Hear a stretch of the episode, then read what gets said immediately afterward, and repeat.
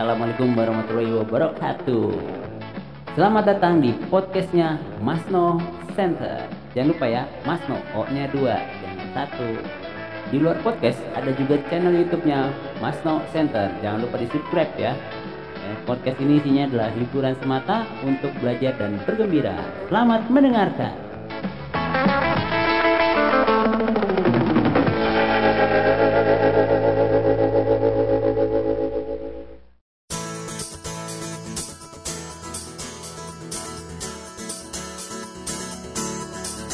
Ya, podcast kali ini judulnya adalah Berani Kaya Sejak Usia Muda. Ya. Judul ini adalah merupakan judul buku pertama, ya, buku pertama bikinan gua. Ya, sebenarnya bukan gua juga sih, ada dua orang yang bikin mereka sebenarnya. Gue cuma nulis ulang dan nambahin dikit doang. Tapi bisa gua akuin sebagai buku gue karena udah lumayan banyak dibikin presentasinya ya. Eh, di buku ini eh, ada tiga orang yang bikin sama Pak Abbas Prayogo. Dia adalah motivator dunia pendidikan dan Dewan Pendidikan di Kota Depok. Lalu ada Pak Sarto ya, Insinyur Sarto. Dia adalah eh, kalau dibilang sih praktisi ya dia udah punya perusahaan bergerak di bidang medis ya jadi jual beli alat kesehatan kayak yang biasalah kalau kita ke rumah sakit ada macam-macam tuh ada tempat tidurnya ada bangkunya tekan infus segala macam. Nah itu bisnisnya Pak Sarto. Dan satu lagi adalah gue sendiri Erna Suparno. Jadi karena mereka pakai insinyur semua gelarnya Abbas IR Abbas Insinyur Abbas Pak Sarto Insinyur Sarto dan gue pakai gelar IR juga aja lah. Insinyur Soekarno. Ya. dikit-dikit nyerempet lah ke Soekarno. Nggak apa-apa ya. Cuma nggak usah kenalan lah udah pada kenal. Ya. E, di buku ini menceritakan bahwa kita sebagai anak muda tuh harus menjadi orang kaya sebenarnya. Jadi to be rich is my right kata kunci di situ menjadi kaya adalah hak saya ya. Takdir adalah apa yang selalu ingin kamu capai. Semua orang ketika masih muda tahu takdir mereka ya. Pada titik kehidupan ini segalanya jelas segalanya mungkin mereka para pemuda tidak pernah takut bermimpi mendambakan segala yang mereka inginkan terwujud dalam hidup mereka ya. Hai para pemuda Suatu saat kamu menginginkan sesuatu, seluruh jagat raya akan bersatu padu untuk membantumu meraihnya. Menjadi kaya adalah hak kamu dan kita semua yang menginginkan dan memperjuangkannya. Nah, masalahnya di sini. Banyak yang pengen kaya, banyak yang kepengen sukses, tapi dia tidak memperjuangkannya, cuma bisa ngimpi. Udahlah berhenti. Jadi kalau kita bangun tidur tuh ada dua pilihan mau tidur lagi melanjutkan mimpi atau bangun untuk mewujudkan mimpi? Motivasiku ini banget ya. Oke uh, ngomong-ngomong tentang berani kaya adalah ini ada pertanyaan yang harus dijawab ya. Sebenarnya jawab sendiri aja lah.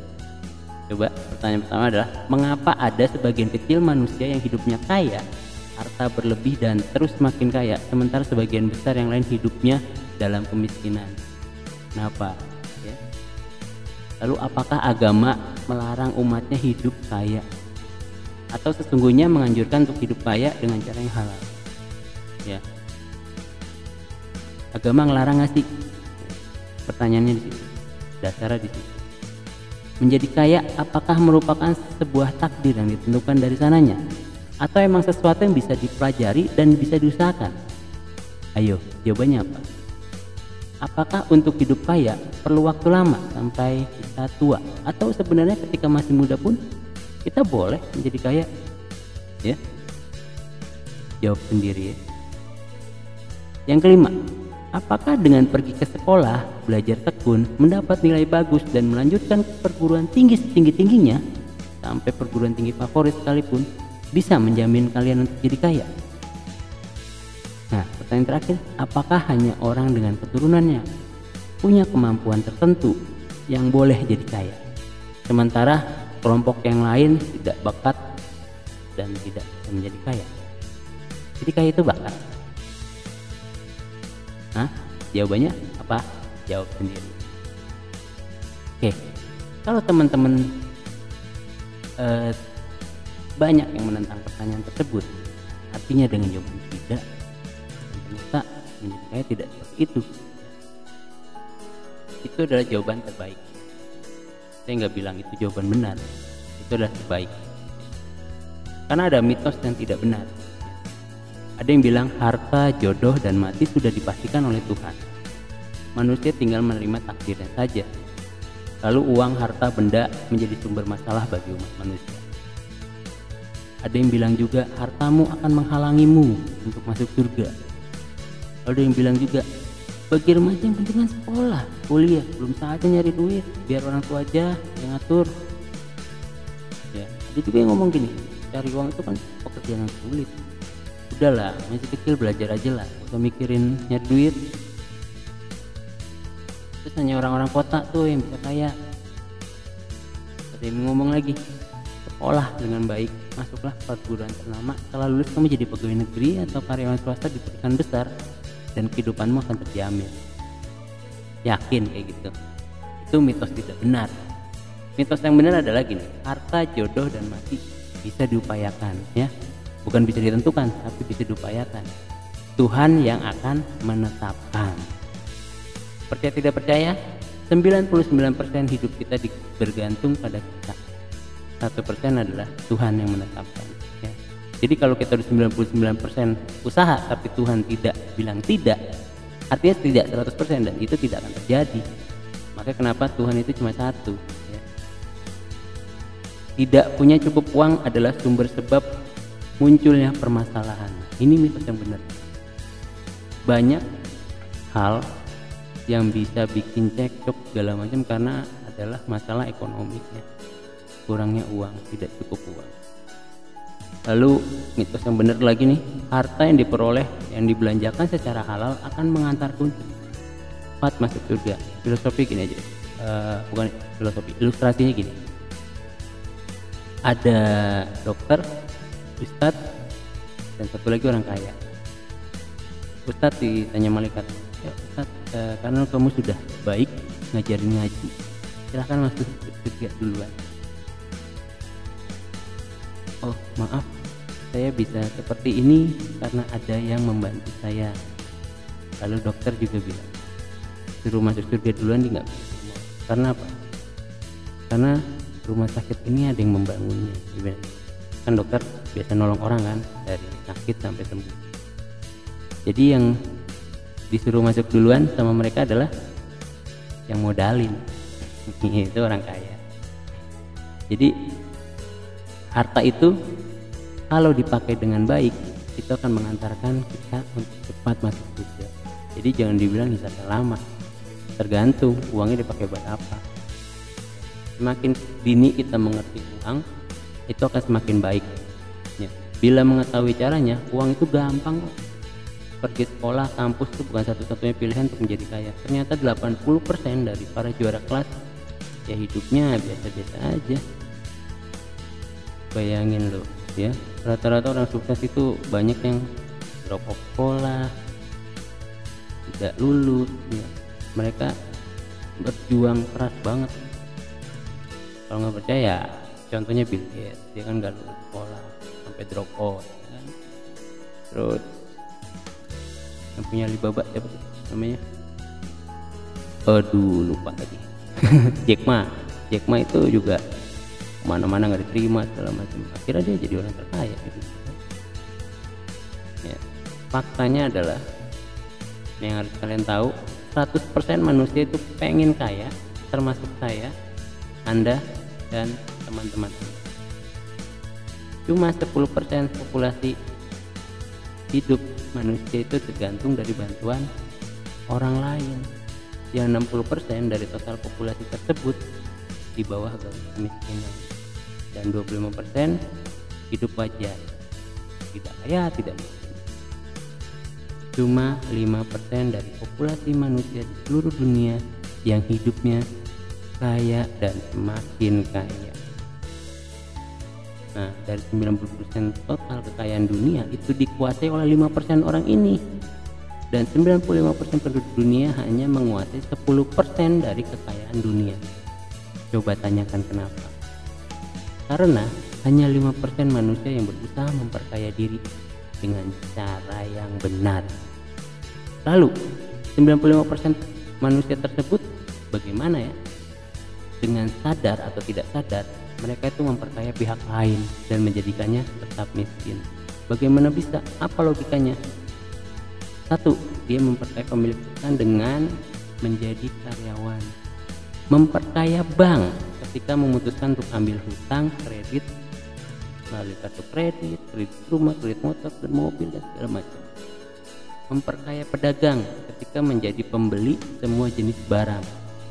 Lalu memperkaya pemerintah setiap tahun dengan membayar pajak, PPH, PPN dan macam-macam. Sampai makan di restorannya kena pajak, ya kan? Maaf ya, kalau tidak tinggi. Oke, mengapa kaya, mengapa miskin? Ya? Yang pasti menjadi kaya atau miskin bukanlah kehendak atau takdir Tuhan. Tuhan menginginkan umatnya kaya. Tuhan menciptakan manusia dengan sempurna. Tak ingin umatnya. Ya, menjadi kaya atau miskin manusialah yang menentukan. Karena menjadi kaya atau miskin hanyalah sebuah pilihan. Orang kaya secara sadar memilih untuk memperkaya diri, sementara orang miskin secara sadar atau tidak sadar memilih untuk tetap miskin untuk menjadi kaya ada ilmunya bisa dipelajari dan bisa diupayakan. Garis bawah bisa diupayakan. Kamu bisa menjadi orang kaya bila mau belajar ilmu tentang cara menjadi kaya mempraktekannya dan memperjuangkannya. Oke yuk kita belajar mulai dari yang namanya bahasa orang kaya. Kalau di buku yang ini eh, bahasa orang kaya kita lebih rinci lagi tapi saya persingkat ya. Pertama adalah untuk urusan uang berhitunglah ya. Kalau orang kaya itu jago ngitung ya. Nggak takut hilang tapi dia punya perhitungan matang. Wah, kalau saya taruh uang di sini saya harus menghasilkan lebih besar dari ini bukan hitung-hitungan matematika yang rumit, fisika atau kimia. Ya. Intinya di sini cuma kalian harus bisa nambah bagi kurang kali. Kalau saya paling seneng adalah nambah dan kali. Kalau bagi sama ngurangin agak gimana gitu ya? Oke. Kalau bingung ya ada kalkulator lah. Oke. Karena terlalu banyak orang yang menginginkan uangmu. Ya.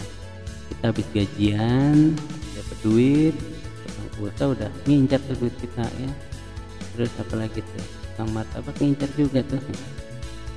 Makanya berhitunglah bila kamu ingin kaya.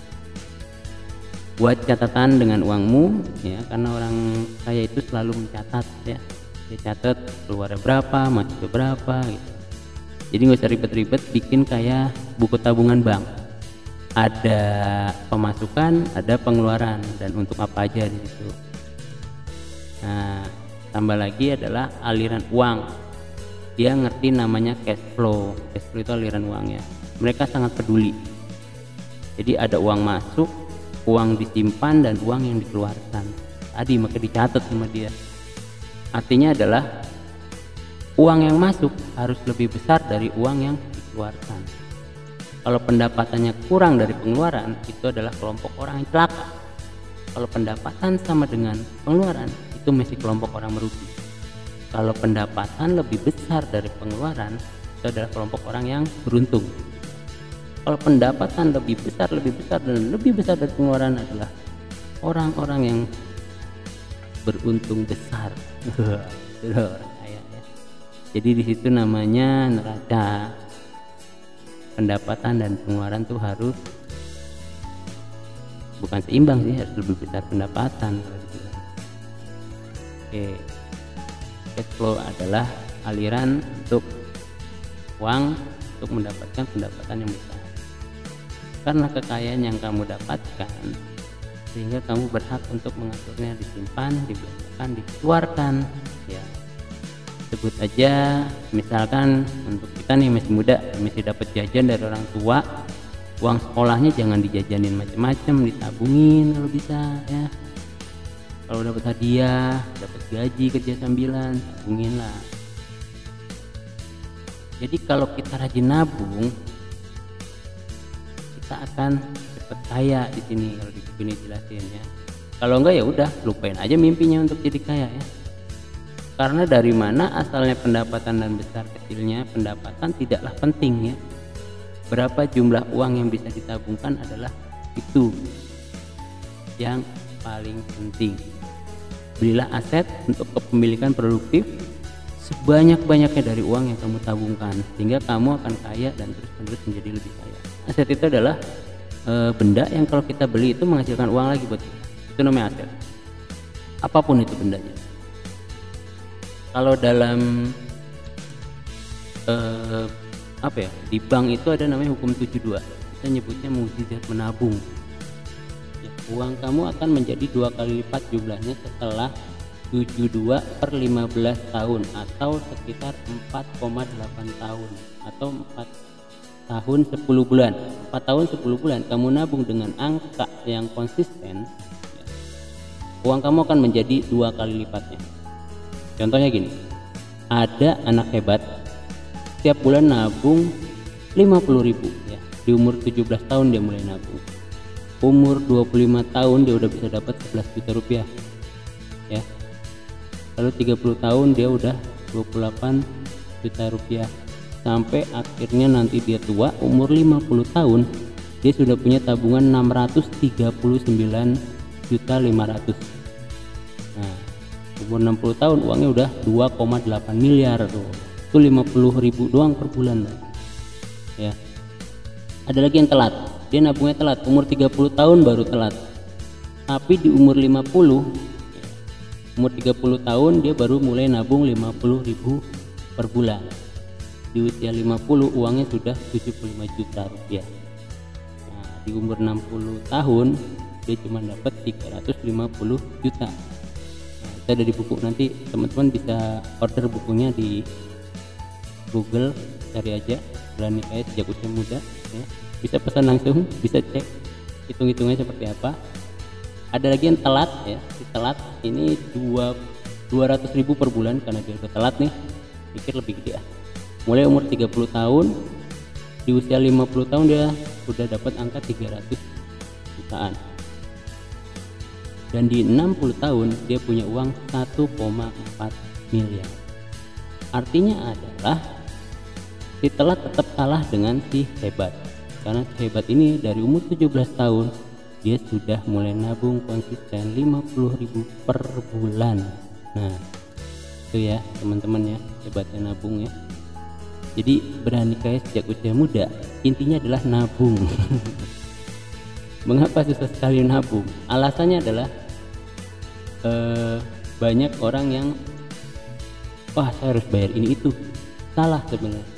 Jadi justru kita harus bayar diri kita sendiri ya sebelum kita pakai uang kita untuk beli macam-macam kita harus tabungin tuh. Jadi kita harus bayar diri kita dulu kita simpan buat kita. Itu nah, ada yang bilang boro-boro bisa nabung.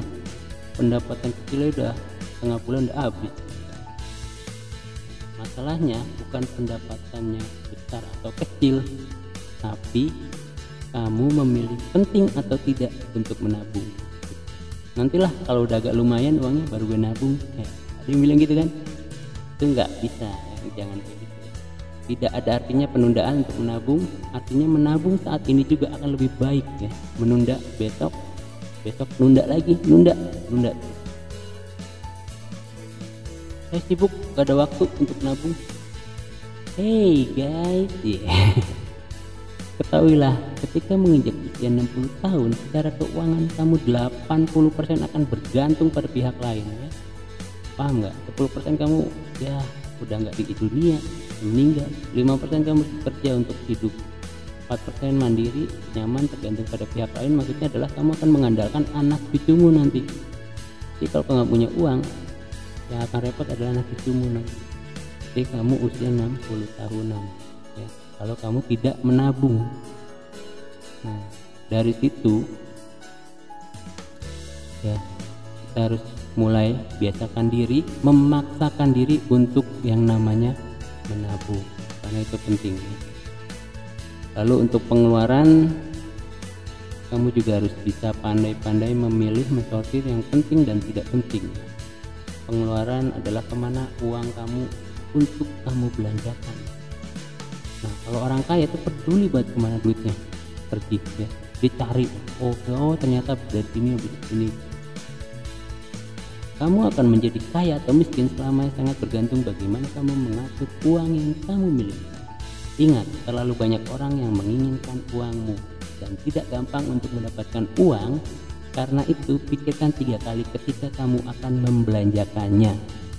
Catat dan ingat sebagai siswa anak muda mahasiswa atau siapa pun kamu yang masih muda ke mana yang uang kamu dapatkan bulan ini harus kamu belanjakan.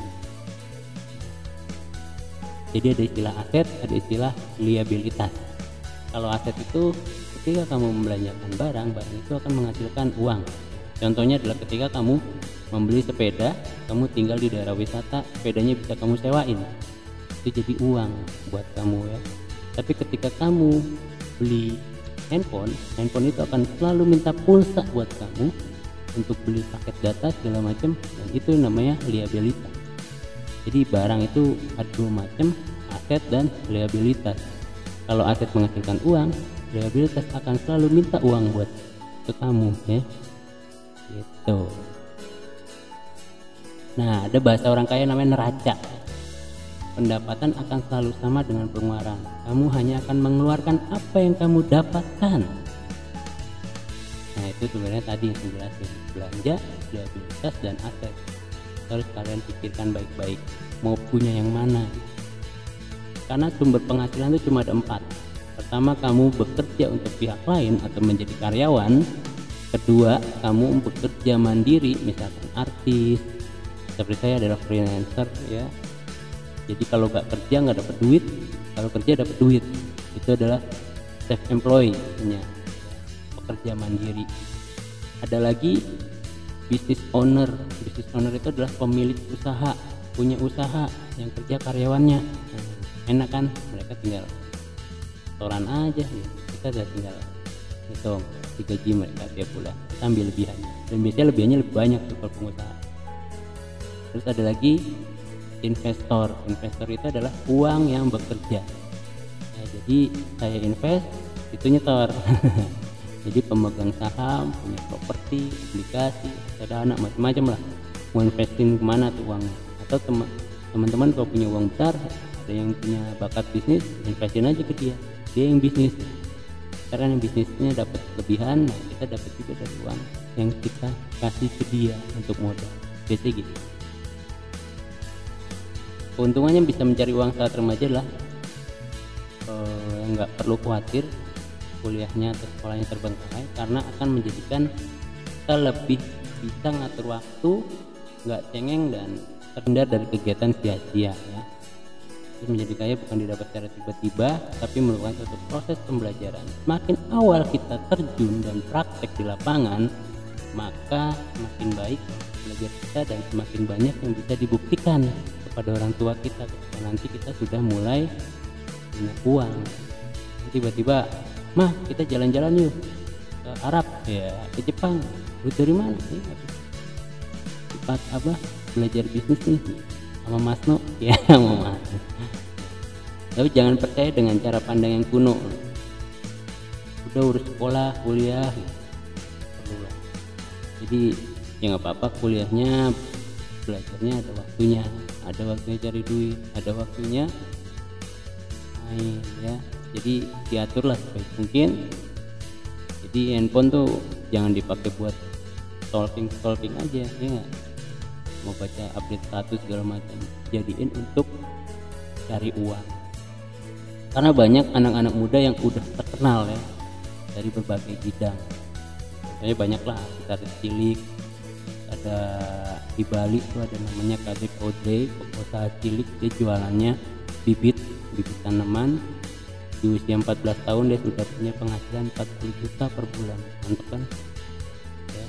terus saya punya teman juga usia 26 tahun dia sudah punya konveksi jas hujan dan omsetnya udah miliaran per tahun.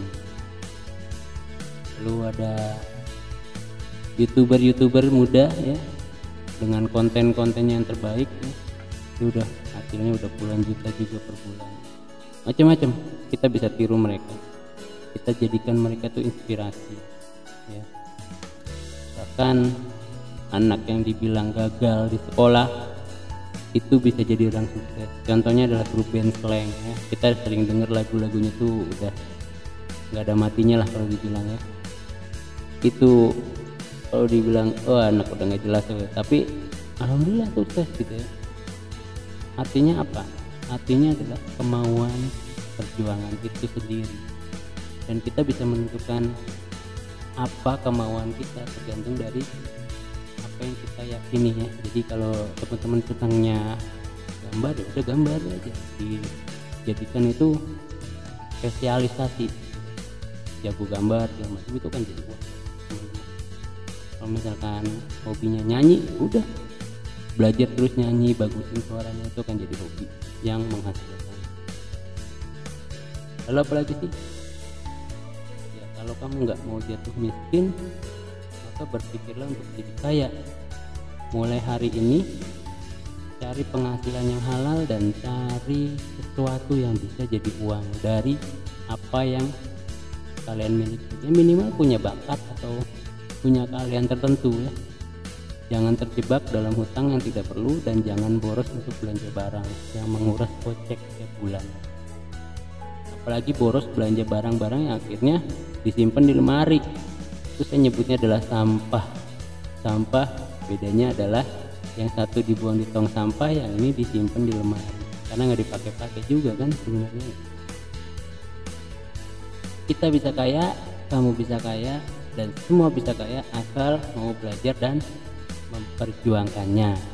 Yuk kita buka baca nah, kita baca ayat pembuka Rizki Robi ini lima antajal ta illa min khairin bagi Wahai Tuhanku, sesungguhnya aku sangat berhajat pada sembarang rezeki pemberian yang engkau berikan. Itu ada di surat Al-Qasas ayat 24. Oke, sekian dari saya. Ya, to be rich, to be rich is my right. Menjadi kaya adalah hak saya, hak kamu, hak kita semua.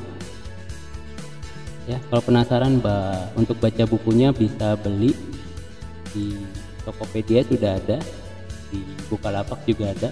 Judulnya adalah Berani Kaya Sejak Usia Muda Mungkin dari saya itu aja. Semoga bermanfaat dan menginspirasi teman-teman. Saya tutup podcast kita kali ini. Wassalamualaikum warahmatullahi wabarakatuh.